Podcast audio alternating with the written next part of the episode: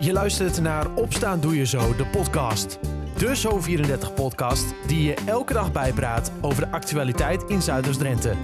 In een klein kwartier ben jij weer helemaal op de hoogte.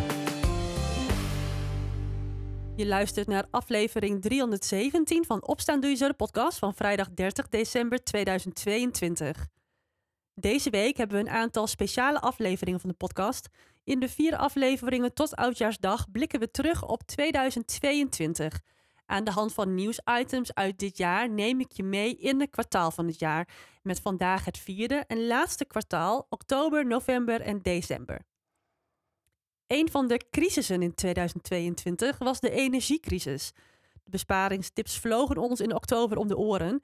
Korte douchen stond als tip bovenaan alle besparingslijstjes, behalve als je in de buurt woonde van Emmeke Pascuum.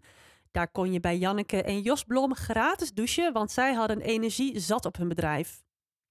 We hebben warmte over, omdat we een monomestvergistingsinstallatie hebben. Die produceert warmte en elektriciteit. En de warmte gebruiken wij voor een deel. We gebruiken voor onszelf, voor het huis en de zorgboerderij en de boerderij. Dan hebben we nog warmte over. Nou, en dat bieden wij aan. Ja, krijgt u daar al reacties op?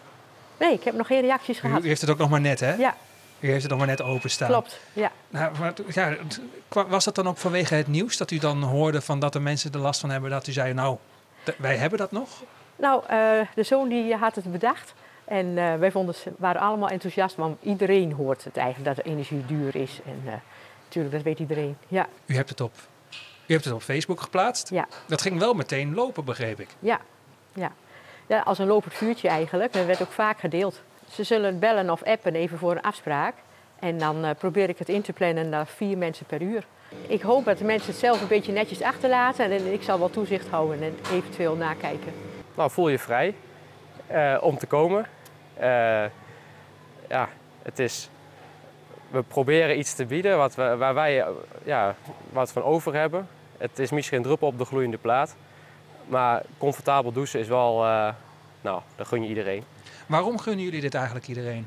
Ja, nou, het- je, je denkt er een tijdje over na van hoe kunnen we de energiecrisis nou, voor mensen toch wat lichter maken. En als je dan nou, wel de warmte hebt en we hebben een doucheruimte sowieso. Als er nou heel veel aanloop komt, nou, denk wel na bijvoorbeeld om uit te breiden in doucheruimtes. In nou ja, een eh, grotere unit of zo. Maar ja, daar staan we wel voor open, zeg maar. En de ruimte hebben we. Ehm, ons, ja, ons christelijk oogpunt vinden we het ook mooi om nou ja, te delen in wat je hebt. En eh, dit is een hele kleine stap voor ons om dat- dat te delen. Maar eh, ja, delen in overvloed. En dit is wel echt iets waar we overvloedig in kunnen delen. Denkt u dat de, mens, dat, de- dat de mensen hier komen? Ik kan me ook voorstellen dat het wel een beetje een barrière, een drempel is die mensen over moeten. Ja, nou op zich dat denk ik eigenlijk ook wel. Dat eh, mensen het vreemd vinden om zomaar bij ons te komen douchen. Maar ik zou wel, ja, wij zijn gewone mensen. Dus eh, gewone mensen mogen ook gewoon komen. Je hoorde verslaggever Steven Ophof die langsging bij Janneke en Jos. In oktober werd ook bekendgemaakt dat Vitale Vakantieparken twee jaar langer doorgaat. Het project moet ervoor zorgen dat vakantieparken in Drenthe verbeteren. In 2023 moet Drenthe 50 parken hebben die excelleren en 50 die een facelift ondergaan. Voorzitter van de stuurgroep Henk van de Boer blikt terug op het project en kijkt alvast vooruit. Afgelopen vier jaar zijn jullie nou al aan de gang. In het kort, wat ging er goed, wat ging er minder goed? Wat eh, goed ging om daarmee eh, te beginnen, is dat er eh, in Drenthe heel breed het, eh, de belangen van het project Vitale Vakantieparken zijn onderschreven. Door provincie, door gemeentes, door Recreatieschap Drenthe, door eh Hisva Recron en met name, want daar draait het om, de ondernemers. Ja, jullie zijn van start en het loopt. Maar wat, wat, wat schort er nog aan? Nou, in het begin hadden we een, toch een, een vertraging eh, die we niet voorzien hadden. Dat kwam omdat we goede mensen moesten aantrekken. Die mensen moesten een aanstelling eh, hebben. Eh, ook een stuk onbekend maakt eh, om moment. Corona heeft ons eh, dwars gezeten. Eh, vandaar dat we wat traag op gang gekomen zijn. Dat bleek ook uit de evaluatie die we vorig jaar hebben gedaan. Dat weten we, maar dat betekent dat het eh, nu extra eh, spirit geeft om volle kracht vooruit te gaan. Ja, in het kort, twee jaar eh, verlenging. Wat zijn de, die doelen?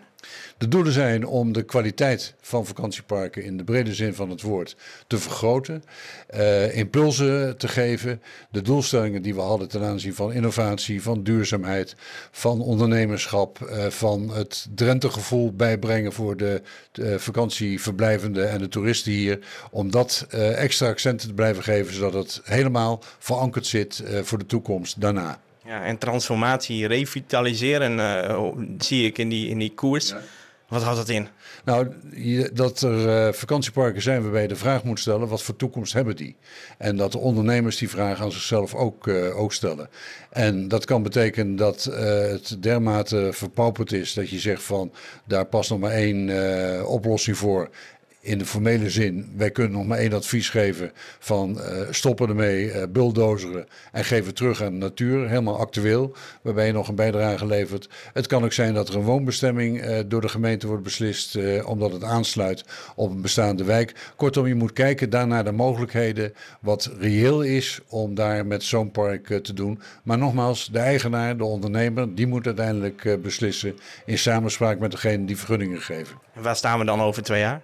Over twee jaar staan we dat uh, Vitale Vakantieparken een dusdanig tussen de oren zit dat ondernemers elkaar opzoeken. Dat nog meer? Nog meer dan nu.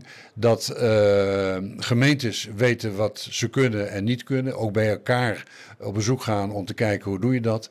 En dat de kwaliteit omhoog schiet en de ongewenste uh, zaken die we op vakantieparken ook tegenkomen, dat die een tik op de kop hebben gehad. Al dus Henk van de Boer toen hij in oktober sprak met verslaggever Dylan de Lange. In november kwam er nieuws uit Wildlands. In de tropische kas van Wildlands Adventure Zoo Emmen is het voortaan iets kouder. Voorheen werd het daar 26 graden. Om geld te besparen is bekeken in hoeverre de temperatuur verlaagd kon worden zonder dat de planten en dieren daar last van zouden hebben. Verslaggever Jeanette Oortwijn ging langs bij directeur Erik van Engelen. Nou, we hebben hier uh, heel veel gedaan om te zorgen dat de kosten, de energiekosten omlaag gaan. Het is de grootste uh, indoor jungle ter wereld. Dus wel nou, een heel bijzonder gebouw.